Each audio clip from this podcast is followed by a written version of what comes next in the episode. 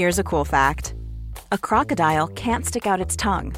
Another cool fact you can get short term health insurance for a month or just under a year in some states.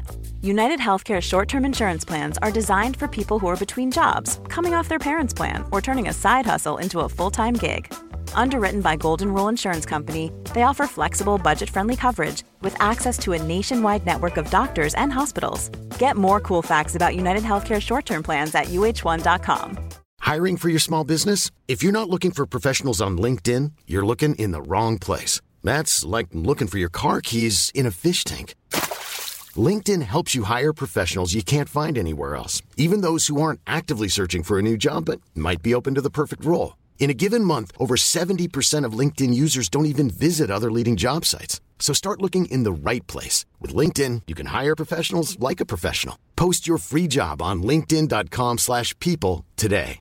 Ready to pop the question? The jewelers at BlueNile.com have got sparkle down to a science with beautiful lab-grown diamonds worthy of your most brilliant moments. Their lab-grown diamonds are independently graded and guaranteed identical to natural diamonds, and they're ready to ship to your door. Go to BlueNile.com and use promo code LISTEN to get $50 off your purchase of $500 or more. That's code LISTEN at BlueNile.com for $50 off. BlueNile.com code LISTEN.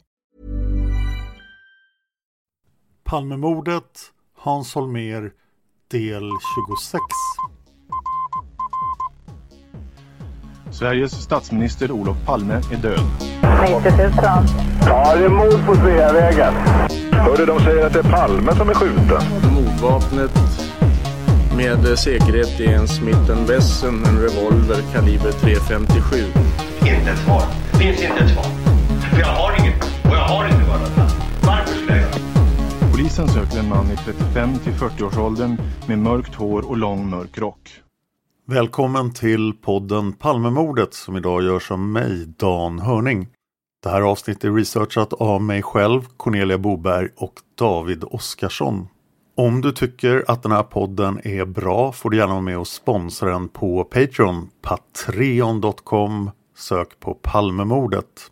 Om du blir sponsor på Patreon under januari 2023 för minst 2 dollar per avsnitt och eh, alla avsnitt och du är det fram till nästa år så är du garanterad en plats på 2024 års Palmevandring.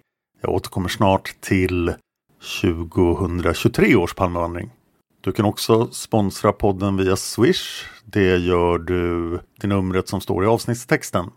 Och ja, det blir alltså en Palmevandring 2023. Den är först och främst för de som varit sponsorer på Patreon sedan oktober 2021.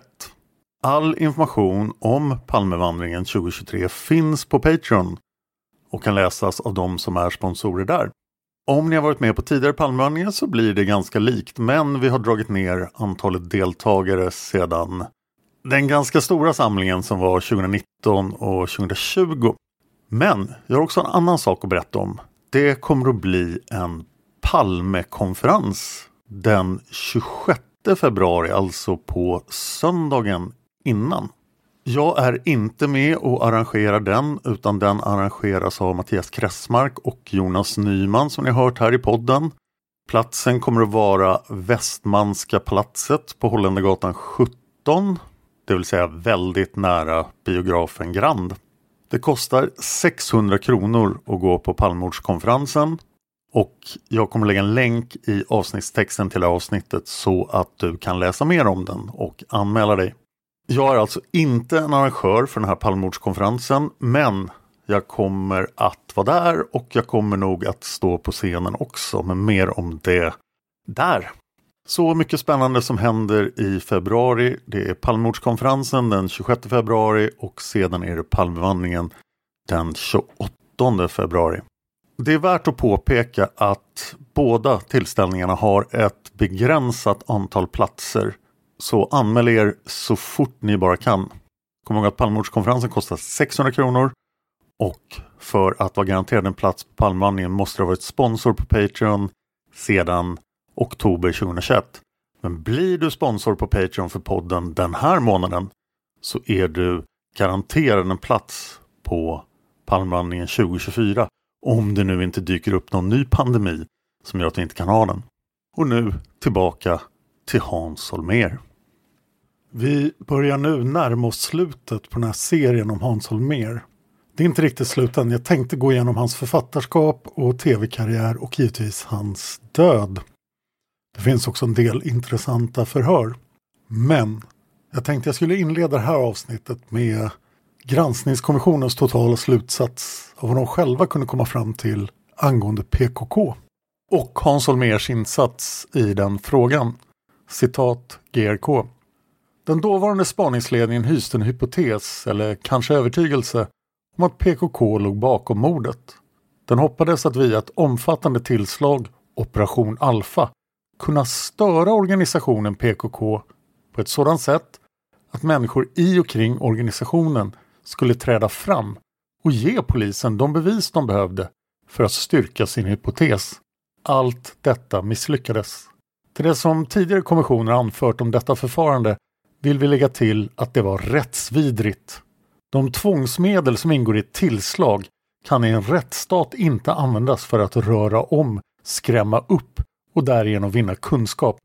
I synnerhet om det inte finns grundade misstankar om vad slags kunskap man skulle kunna få fram. I detta fall fanns inget annat än löst grundade förhoppningar utan konkret innehåll. Av den utredning som numera föreligger framgår att de åtgärder som kulminerade med Operation Alfa inte var en alltmer pressad mordutrednings sista desperata försök att komma till botten med PKK-spåret, utan att det var resultatet av en redan sommaren 1986 utarbetad strategi, det vill säga handlingssättet var väl överlagt. Det är ett tecken på att delar av denna mordutredning ganska tidigt förflyttade sig utanför rättsstatens ramar. Slut citat. PKK kom som sagt inte på tal som ett huvudspår förrän efter att Viktor Gunnarsson hade avhandlats. Varför det? Om ni inte har hört våra avsnitt som heter Mörkläggning, del 1 och 2, även de övriga delarna med Gunnar Wall, så rekommenderar jag starkt att ni lyssnar på dem. Jag ska nu återge Gunnar Walls egen teori om Hans Holmers suspekta agerande. Hans Holmer ville redan från början ha PKK-spåret som huvudlinje. Mycket tyder på att det var vad han hade tänkt sig bara några timmar efter sin egen vetskap om ministermordet. Men Hans Holmér insåg att han inte satt hundraprocentigt säkert på sin post. Om han nu skulle dra igång utredningen av ett så spektakulärt och möjligtvis kontroversiellt spår som PKK skulle det kunna få många högt uppsatta beslutsfattare att höja på ögonbrynen. Då var det bättre att avhandla Viktor Gunnarsson först och sedan ta PKK efter honom.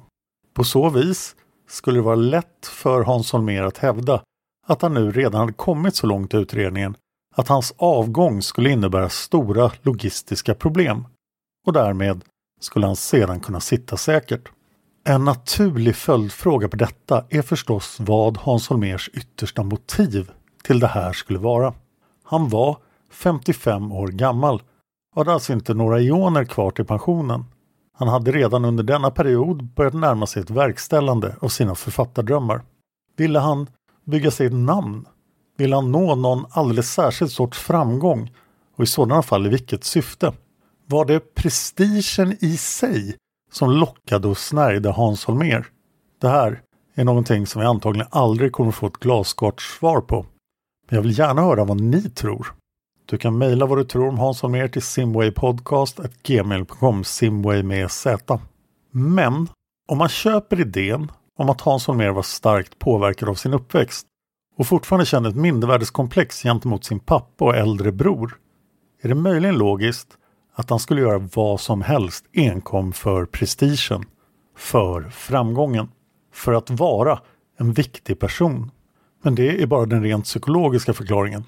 Om man vill hitta ett mer konkret motiv till Holmers agerande kan det väl vara värt att ställa sig frågan om PKK-spåret bara var en enda stor mörkläggning. En sådan teori kan ligga nära till hands om man tänker på de där aktiviteterna som Hans Holmér ägnat sig åt tillsammans med Ebbe Carlsson under sin tid som Säpochef. Då hittade de på något riktigt obehagligt för att dölja något annat obehagligt. Till exempel i sjukhusaffären.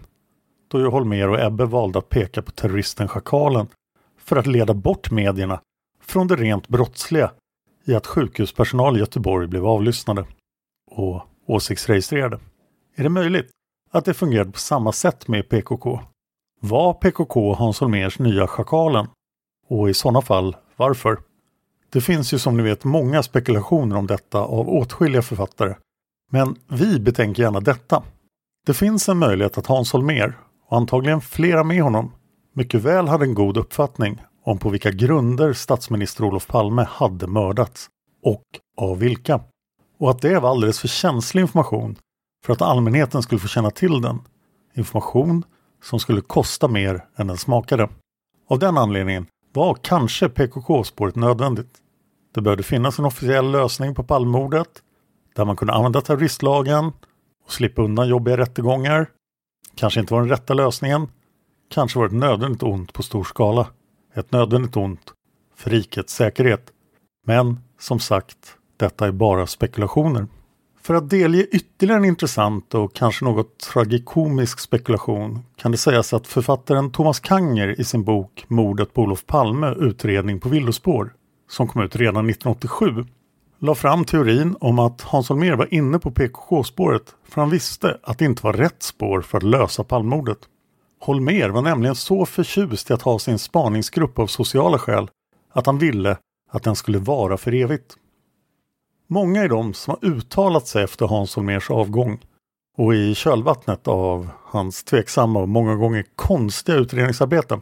Jag ska nu presentera ett antal utsagor som sätter den allra första Palmeutredningen i perspektiv. Först ut är Olof Palmes son, Mårten Palme. Så citat Mårten. Jag kan ju säga att Holmer, vi blev väldigt besvikna på honom efter ett tag. Va? Framförallt fanns det ju egentligen ingen grund för den säkerhet han hade i det där PKK-spåret. Det var ju faktiskt uppenbart efter de där tillslagen de gjorde. Överhuvudtaget var det också märkligt att han hade ju väldigt ringa erfarenhet av utredningsarbete och mordspaning och så. Men ändå så otogs han sig de här uppgifterna.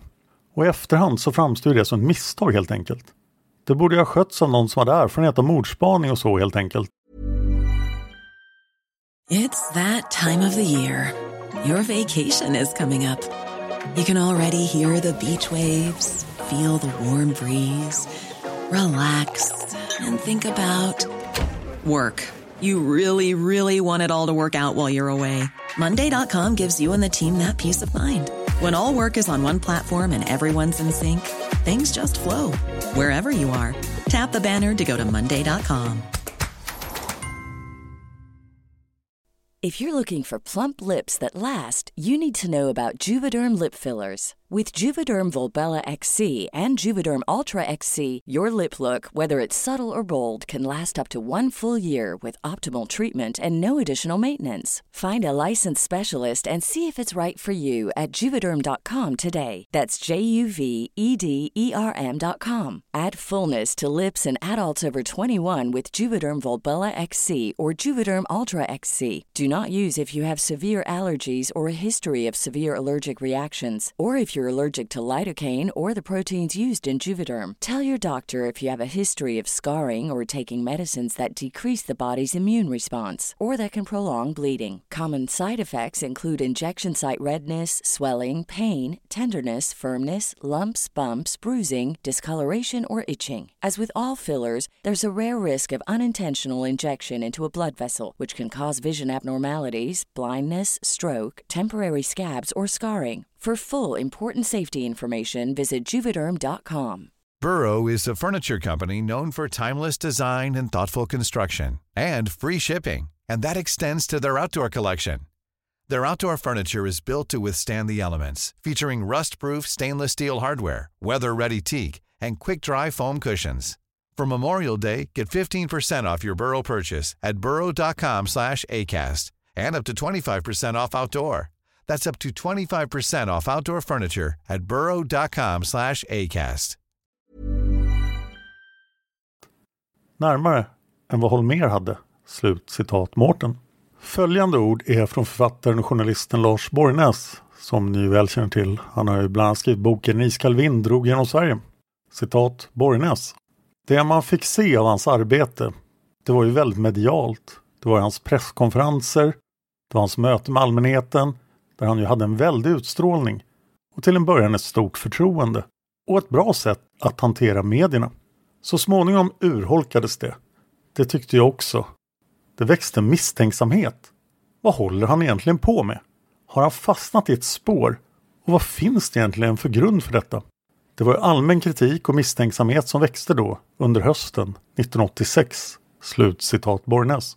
Ingmar Krusell, svensk ämbetsman inom polisväsendet och biträdande spaningsledare i Palmeutredningen mellan 1988 och 1990 har gjort många uttalanden om Hans Holmérs tid som spaningsledare. Och jag ska återge några av dem här nu tillsammans med en journalists frågor för kontextens skull. Den första frågan var varför tror du att Hans Holmér var så uppsatt på att det var PKK som låg bakom? Krusell svarar citat. Ja, det är för att han var ingen utredare. När det gällde mordutredare så var han en dilettant. Det råder ingen tvekan om. Och sen han trodde för mycket på uppgifter från människor i sin omgivning där va. Han var en dominerande person. Han var dynamisk. Han styrde andra till att få samma uppfattning som han. Men framförallt trodde han på de här båda unga Säpo-kollegorna och deras så kallade spår som utgick från de där bröllopssamtalen. Det var samtal som han hade ifrån avlyssnat. Slut citat Krusell. Dilettant betyder ju enkelt amatör. Fråga. Han säger på presskonferensen att han är 95% säker på att de har Krusell svarar citat. Ja, det säger han framåt hösten sen. Och det är klart, han måste rättfärdiga detta att man bara är inriktad på en enda grupp. Den största missen det är ju det att lägga hypotesen om en enskild gärningsmans dåd helt åt sidan och helt inrikta sig på att det var någon konspirativ grupp som hade utfört mordet. Och då, inom den, på det området koncentrerar man sig bara på en enda grupp, nämligen PKK. Det är PKK som är huvudspåret och det är något som var väldigt främmande för mig. För det första så är det emot alla kriminalistiska erfarenheter att inte lämna öppet för frågan om i vilken riktning man ska spana. Den måste ju vara öppen. Man försummade hela den delen som gäller spaningar efter en enskild gärningsman. Slutcitat Krusell. Nästa fråga är Men var det ett trovärdigt spår? Krusell svarar citat Nej, det var det inte.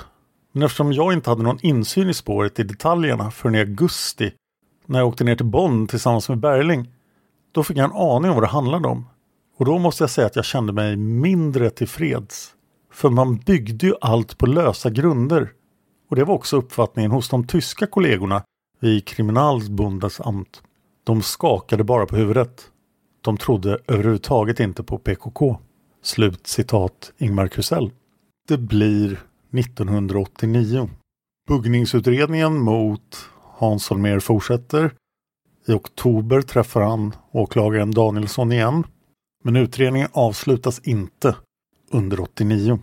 Den 2 november 89 så meddelar Svea hovrätt den friande domen mot Christer Pettersson. Domen är enig.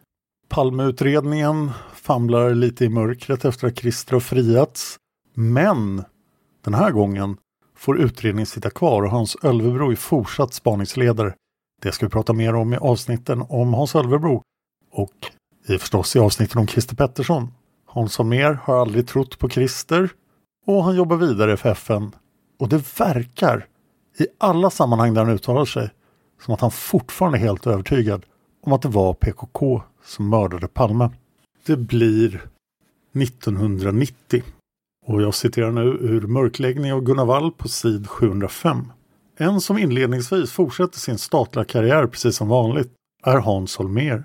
Hans FN-uppdrag i Wien förlängs i ett par omgångar och fortsätter till december 1989. I januari 90 kommer ut i svensk massmedia att regeringen har ordnat ett nytt toppjobb åt Hans Holmér, åter på ordentligt avstånd från Stockholm. Han ska arbeta med narkotikafrågor på Interpols högkvarter i Lyon. Nyheten utlöser en storm i svensk massmedia. Holmér är misstänkt för olovlig avlyssning och rättegång väntar. Interpol som blir nerringt av svenska journalister drar öronen åt sig och frågar den svenska regeringen om Holmér verkligen är aktuell. Saken blir för pinsam. Regeringen backar och beslutar sig istället för att ge den förre spaningsledaren förtidspension. Holmer är därmed tillfredsställande försörjd. Han hittar dessutom ett sätt att dryga ut hushållskassan. Han sitter ju nämligen och skriver på en serie detektivromaner som kommer att bli framgångsrika om den frånskilde och genomhederlig polisen Arvid Loppan Ros. Slutcitat.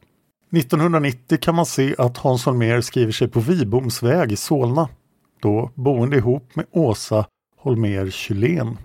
Att Ann-Marie Åseden valde att döpa sin bok om Hans Holmér till Förbannelsen, den kom ut 2012, kan vara talande för hur Hans Holmérs liv såg ut mot slutet. På ytan finns det mycket som kan tyckas verka idylliskt. Holmér är på väg att gifta sig med sin flickvän Åsa. Hon som var med honom på Scandic Hotel i Borlänge den där ödesdigra morgonen den 1 mars 1986. De två flyttade senare till en hästgård på Söderslätt i Skåne.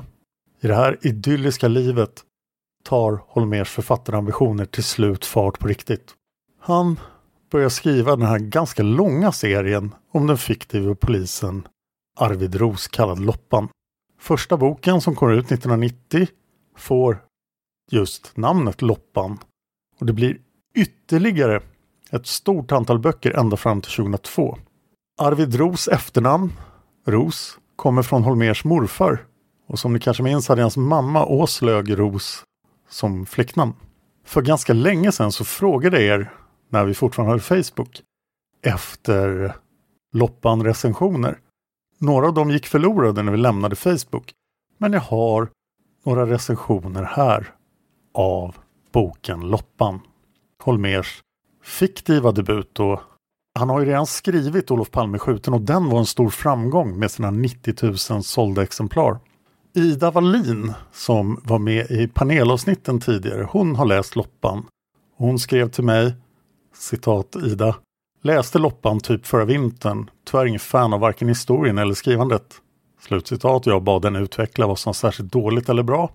Och då sa Ida citat, nu var det ett tag sedan jag läste den. Om jag skulle ge en ordentlig recension skulle jag nog behöva läsa om den.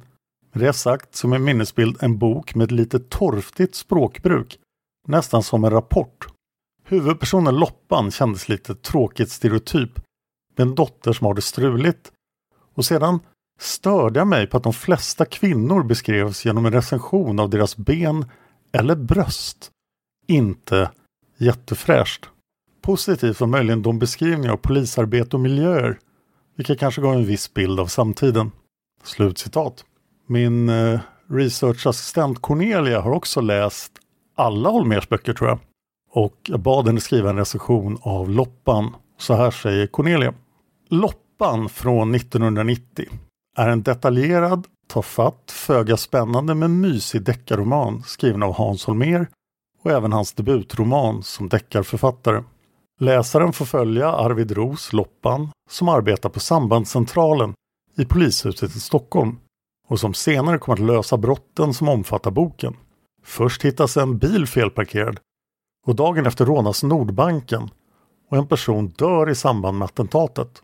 Fler mord kommer att begås och senare människorov. Intrigerna tätnar när Loppan lyckas lösa pusslet genom att binda ihop alla brott till en och samma person. Naturligtvis är det Loppan som räddar dagen och skurken åker fast. Den Palmemordsintresserade kan känna sig hemma i kvarteren kring Sveavägen där handlingen i stora avseenden utspelas. Däremot kan det kännas främmande då brotten här faktiskt får sin lösning. Mon Cherie omnämns och ett Smith Wesson-vapen har en central roll i berättelsen. På omslaget går att läsa citat Loppan är Hans Holmers debut i genren. Med visst fog kan man påstå att få kriminalförfattare har så unika insikter i polisens verksamhet som han. Slutcitat. Överlag är boken klassiskt könsstereotypisk. Män slår sig för bröstet och kvinnor gråter. Kvinnornas människovärde ligger endast i deras utseende, vilket också är deras enda karaktärsdrag. Om du som lyssnar vill läsa en spännande, välskriven och bra bok, då ska du inte läsa Loppan. På omslaget kan man även läsa citat Loppan är en roman. Namn, personer och händelser är helt uppdiktade i syfte att göra berättelsen autentisk. Eventuella likheter med verkliga levande eller döda personer och händelser är rena tillfälligheter." Slutcitat. Samtidigt går att läsa följande i boken, citat. Han kunde förstås ha lagt den i sopcontainern utanför huset bredvid. Det skulle ha varit en särskild poäng eftersom justitieministern bodde i den fastigheten. Några frågor borde han få även om polisen antagligen inte brydde sig om vem som hade mördat ett fnask. Slutcitat där stod på sid 6. Och på sid 173-174 kan man läsa citat. Men jag blir vansinnig på den där kriminologen som är med överallt och tycker. Bara för att han har sett en busvisning på span för tio år sedan och känner två pensionerade kriminalkommissarier tror han att han kan och vet allt om polisen. Slutcitat. Och på sid 174 kan man också läsa citat. Den uppblåste spionreporten var naturligtvis medagerade överpräst. Var ska sleven vara om inte? Spioneri måste vara det enda brott som verkligen lönar sig.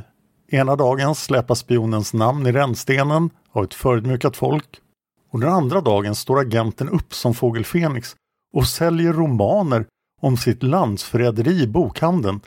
Det är äckligt! Slut citat. Och till sist på sid 198, citat. Men åklagaren var en lättjefull typ som föredrog att skjuta på sittande fågel. Han drev inte andra mål än sådana där en misstänkt erkände eller bevisen rann över alla bäddar. Slut citat. Det här känns ju onekligen som fyra personangrepp på fyra verkliga personer. Och det var slutet på Cornelias recension. Holmers trogne vapendragare Hans Wranghult har också någonting att säga om Holmer som författare. Wranghult menar att Loppan var en bra bok. Däremot medger han också att han inte läser särskilt mycket deckare. Vilket egentligen innebär att Hans Wranghult inte har något annat att jämföra med. Vi kan därmed ställa oss frågan om Hans Wranghults åsikter faktiskt är objektiva i det här fallet. I oktober 1990 upphävs kommunarresten för kurderna. Det rörde sig om sju kurder som fortfarande var berörda av det här. De var fortfarande tvungna att anmäla sig regelbundet hos polisen. Och Säpo hade precis som tidigare rätt att avlyssna deras telefoner hur mycket de ville. Den 2 november 1990 gifte sig till slut Hans Holmér och Åsa. Vigseln skedde i Köpenhamn. Vid det här laget fanns det ett vanligt förekommande rykte då att Hans Holmér inte alls hade varit på Scandic Hotel i Borlänge. Det ryktet hade funnits länge, alltså på mordnatten.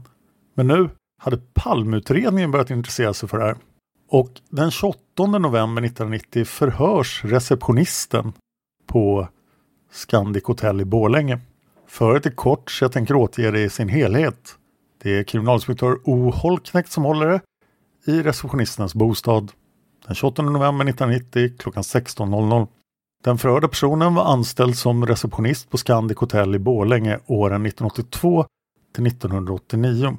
Anledningen till att den förhörda i någon mån kan erinra sig den aktuella morgonen är att hon av en arbetskamrat fick reda på att statsminister Olof Palme hade mördats under den gångna natten. Detta skedde när den förhörda anlände till arbetet klockan 06.00. Den förhörda vill här påpeka att hon innan denna händelse aldrig hade hört talas om Hans Holmer. Hon kände då ej heller till att denne vid tillfället bodde på hotellet. Bland de första gäster som kom ner i receptionen på morgonen, uppskattningsvis vid 07.30-tiden, var en lång man som den förhörda nu vare sig kan bedöma utseende eller ålder på. Under utcheckningen frågade hon mannen om han hört talas om nattens mord. Mannen verkade först helt oförstående. När hon upplyste honom om att det var Olof Palme som var mördad blev han mycket förskräckt. Han sa att han var tvungen att gå och ringa ett telefonsamtal. Hon uppfattade också att hans resonemang att han skulle vara tvungen att avbryta sin resa till Vasaloppet och istället åka tillbaka till Stockholm. Efter utcheckningen försvann mannen och hon såg honom inte mera. Den förhörda säger att det är mycket svårt att lägga enskilda utseenden på minnet. Speciellt när hotellet som denna natt var fullbelagt. Det är en massa människor som bara passerar revy, säger hon. Dessutom har det gått över fyra år sedan den aktuella händelsen. Hon har dock en svag aning om att hon tyckte sig känna igen Hans Holmér när hon senare fick se den i tv och tidningar. Som den man som hon träffade i receptionen denna morgon. Senare har den förhörda dragit den klara slutsatsen att det måste ha varit han. Händelsen har ju debatterats i massmedia där Hans Holmér själv har bekräftat att han bodde på hotellet natten till 860301. När den förhörda förevisas den kreditnota som utfärdades i samband med att Hans Holmér betalade hotellräkningen med ett kreditkort Eurocard bekräftar hon att hennes signatur EB finns på notan. Uppläst och vidkänt, förhöret avslutades klockan 16.15. Det finns även ett protokoll över beslag i brottsmål som är från den 27 november 1990. Det är biträdande riksåklagare Axel Morass som har beslutat åtgärden och den har utförts av kriminalinspektör Olle Holknekt. Beslaget gäller anmälningsblankett Nordiska gäster Scandic-hotellen Borlänge ankomna 28 februari avresta första i tredje. Kopia hotellräkning för rum nummer 105 totalkostnad 344 kronor och 60 öre. Och en kopia av Eurocard-nota med Hans Holmérs kortnummer här i handlingarna. Det låter ju livsfarligt. Kortinnehavare, det är av någon anledning censurerat men det bör ju vara Hans Holmér som har betalt 344 kronor och 60 öre Scandic Hotel Borlänge. Och Scandic Hotel i Falun vill inte ha tillbaka de här handlingarna. Att döma av det här kommer alltså Palmeutredningen fram till att Hans Holmér faktiskt var på hotellet i Borlänge. Och det blir sedan 1991. I början av 91 så intervjuar Gunnar Wall Ebbe Carlsson. Det finns många spännande saker i den intervjun. Men jag tänkte koncentrera mig på vad Ebbe sa om Hans Holmér.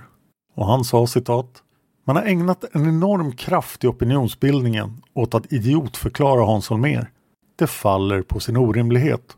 Om en person har varit chef för hela polisväsendets administration, chef för hela säkerhetspolisen och chef för Stockholmspolisen i 11 år så kan han ju inte vara så pantad. Han kan nog läsa till. Slut citat. 91 kom också de faktiska rättegångarna till slut för de olagliga företeelser som framkommit under KU-förhören. Utgången för Ebbe Carlsson blev 100 dagsböter för anstiftan till varusmuggling och försök till varusmuggling. Domen föll i Svea hovrätt. Hans Holmér dömdes först till 90 dagsböter i tingsrätten men fick sedan straffet höjt till 150 dagsböter i hovrätten för olovlig avlyssning i två fall. Det var förstås en miss för Hans Holmér eftersom det var han som överklagade. Så han fick alltså 60 dagsböter extra. 1991 kommer Hans Holmérs andra bok ut. Den heter Monica. Lyssnaren Alex Grenehed har läst flera av Hans Holmérs böcker, bland annat Monica. Och Alex säger citat jag har läst dessa för länge sedan och kan inte ge några ingående recensioner. Loppan, Iglo, Monica och Cykeln. Jag tyckte då att de var bra och lättlästa. Det handlade om särskilda brott såklart och om huvudpersonen Arvid Loppan Ros och några nära kollegor till honom. Så som det brukar kunna vara i deckare. Däremot var i alla fall inte just de några avancerade böcker utan passade bra som första deckare, vilka de var för mig. Slutcitat. Ida Wallin reflekterar också citat Ihärdigt att läsa bok 2-11 med tanke på bok 1. Men det talar ju å andra sidan för att många uppskattar hans böcker. Förlaget hade knappast gett ut så många böcker om de inte sålde bra. Smaken är ju olika. Slut. Reflektion från Ida. Och 1992 kommer nästa bok ut. Det är Iglo. Och jag har en till åsikt från en eh, läsare. Det är Kristoffer Battisti som har läst Hans Holmér så att vi andra ska slippa. Kristoffer säger citat Hans Holmér som författare, en snabb recension. Jag har nyligen stiftat bekantskap med Hans Holmér som författare. Min uppfattning är att han skrev överraskande bra. Kanske hade jag inte så höga förväntningar med tanke på att jag i första hand har relaterat till Hans Holmér som polis och spaningsledare för Palmeutredningen. Men som deckarförfattare gör han ett bra och trovärdigt intryck. Språket är enkelt och okomplicerat, emellanåt även målande och mångfacetterat. Historierna är trovärdiga och innehållsrika med uppfinningsrika trådar som väver samman karaktärer och händelser. Böckerna är dock relativt enkla och spelar inte i samma liga som samtida Henning Mankells Wallander till exempel. Skillnaden i författarskap är stor och Holmers böcker kan beskrivas mer som instegsromaner till den högre skolan. Men historierna är lättlästa, välskrivna och spännande. Hans Holmers starkaste sida är hans kunskap och erfarenhet inom polisyrket. Och detta märks tydligt i hans karaktär inom både polisen och det som hans målande refererar till som Träsket. Hans huvudperson Arvid Ros Loppan är en klassiskt hårt arbetande snut vars vardag man får följa från Gropen, alltså sambandscentralen i Stockholm. Loppan är frånskild givetvis och har en knepig relation till sin dotter. Han är kvinnokar och hans kärlekshistorier är många och återkommande i böckerna. Han har bra relation med sina kollegor och snutjargongen är precis så stereotypisk som man kan förvänta sig. När man läser böckerna idag så märks det att dessa skrevs under en annan tid av en författare med en något gammalmodig syn på könsroller. Det är mycket beskrivningar av långbenta och solbrända kvinnor och detta är ett återkommande tema genom hans historier.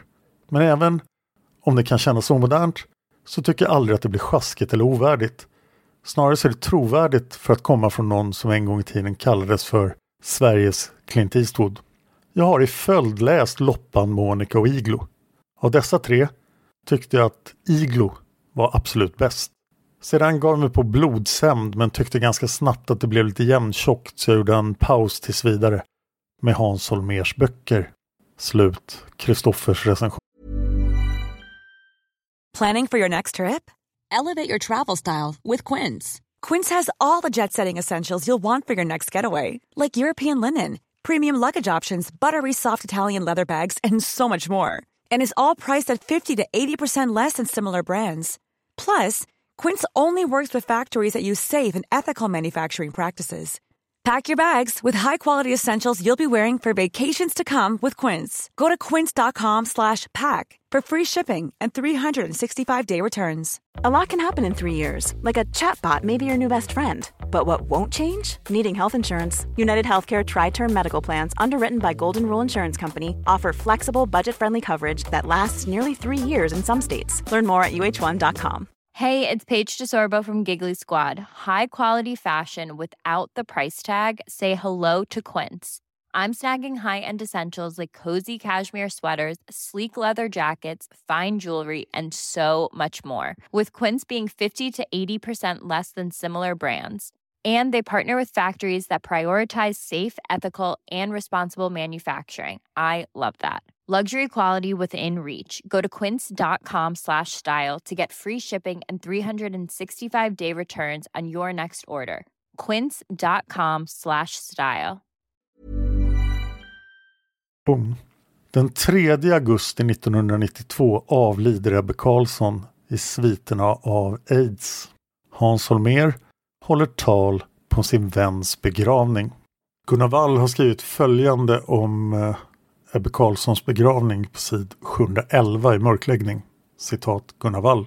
Klockan 00.27 den 3 augusti dör Ebbe Carlsson på Huddinge sjukhus. Tidigare har han skojat med journalister och sagt att goda vänner lovat att kremera honom i en kanot flytande under Västerbron i Stockholm. Riktigt så blir det inte. Han har skrivit ett långt testamente som börjar med att slå fast att kvarlevorna ska brännas och strös i minneslund i hans födelseförsamling i Göteborg. Det ska vara en liten ceremoni för familj och närmaste vänner.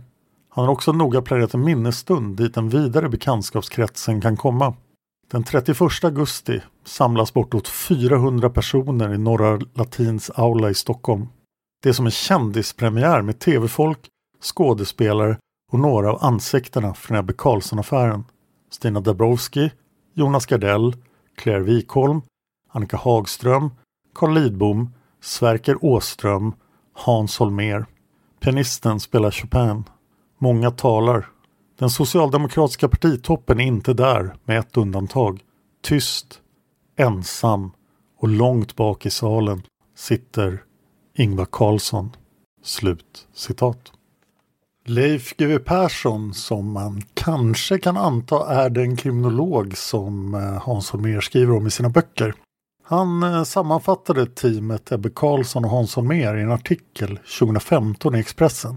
Där säger Leif GW bland annat citat Hela deras gemensamma historia, Hasse och Ebbe, Ebbe och Hasse, handlar nämligen om hur man undergräver en i stort sett fungerande rättsstat och att de gör det utifrån ett högre och viktigare syfte behöver knappast sägas.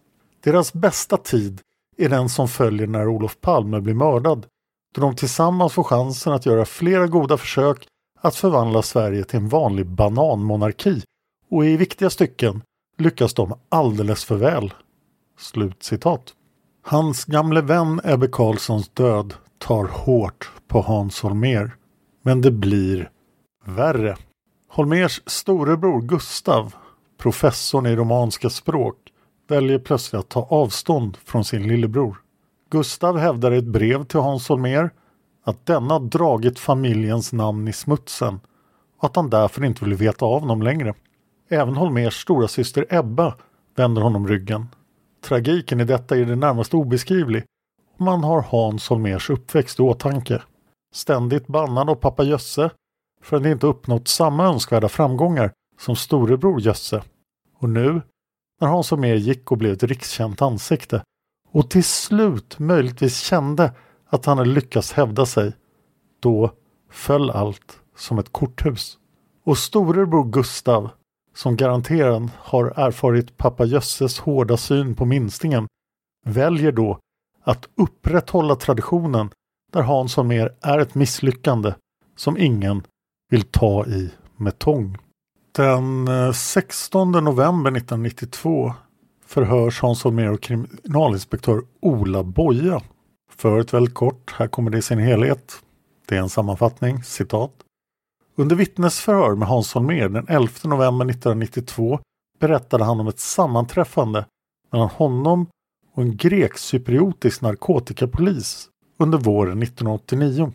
Polismannen hade förmedlat kontakt mellan Hans Holmér och en palestinier. Denne sade sig ha kunskaper om två personer som kan ha kunskaper om Palmemordet. Den ena är en militär och någon, oklart vem, lite censurerat där, hade samtalat varvid någon hade sagt att han vet vem som mördade Palme. I samband med att Holmér lämnade dessa uppgifter ingav han ett utdrag från grekcypriotiska polisens dator där en person nämns. Enligt Holmér skulle detta kunna vara identiteten på den som hade sagt att han visste vem som hade mördat Palme. Den andra personen som skulle kunna kännedom om Palmemordet är en palestinier och ett censurerat namn. Slut förhöret. Det verkar alltså vara Hans Holmér som har gått till Ola Boja här för att lämna det här tipset. Det här korta tipset leder till ett 19 sidor långt förhör med Bengt Fredriksson, Ola Boja och Per-Erik Larsson. Allt det här handlar om den här träffen med den grekcypriotiska narkotikapolisen 1989. Förhöret är ganska censurerat men Holmer leder in det här på en hel teori om Palmemordet och eh, pratar om betydligt mycket mer än just den där träffen på Cypern. Men detaljerna där kommer vi att spara till PKK-spåret. I kommande avsnitt ska jag försöka knyta ihop säcken om Hans Holmér men han kommer att vara i livet ytterligare tio år och det hinner hända lite mer saker innan vi lämnar honom. Jag finns på Twitter och Instagram. Jag heter Dan Hörning, så är lätt att hitta. Du kan också mejla till Palmordet på mejladressen simwaypodcast.gmail.com Simway med Z. Simwaypodcast.gmail.com Den mejladressen gäller alla mina poddar och det är min producent Eva Martinsson som svarar på mejlen där. Men hon skickar vidare det som är relevant till mig eller till Tobias. Om du gillar den här podden så har jag även tagit upp ett antal andra stora olösta fall i Sverige i min andra podd Olösta mord. Vi har gjort många små fall och, och, många amerikanska fall också men på den senaste tiden har vi fokuserat lite på nordiska fall som är olösta i många avsnitt. Vi har gjort över 37 avsnitt om fallet Sven Sjögren på Gotland som jag nämnt tidigare här. Vi har också tagit upp vad som en gång i tiden var Sveriges största olösta fall, Viola Widegrens försvinnande. Vi har gjort 16 avsnitt om Viola Widegren i olösta mord.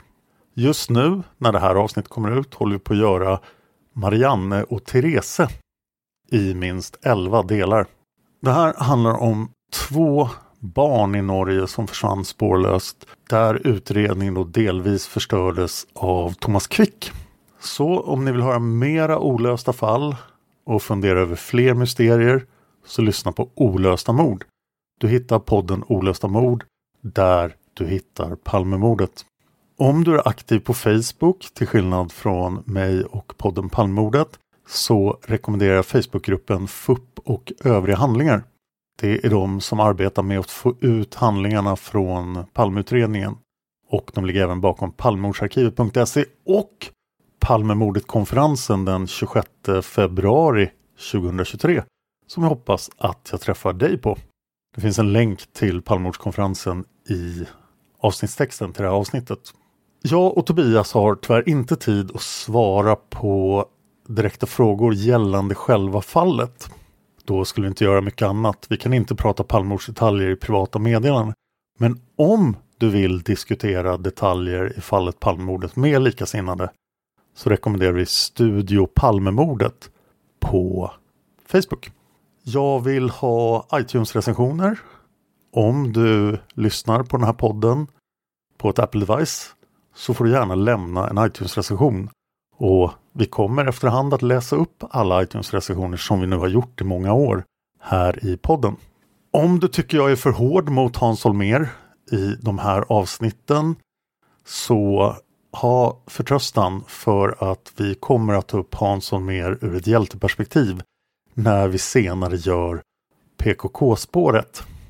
Tack till alla som har bidragit till den här podden på Patreon.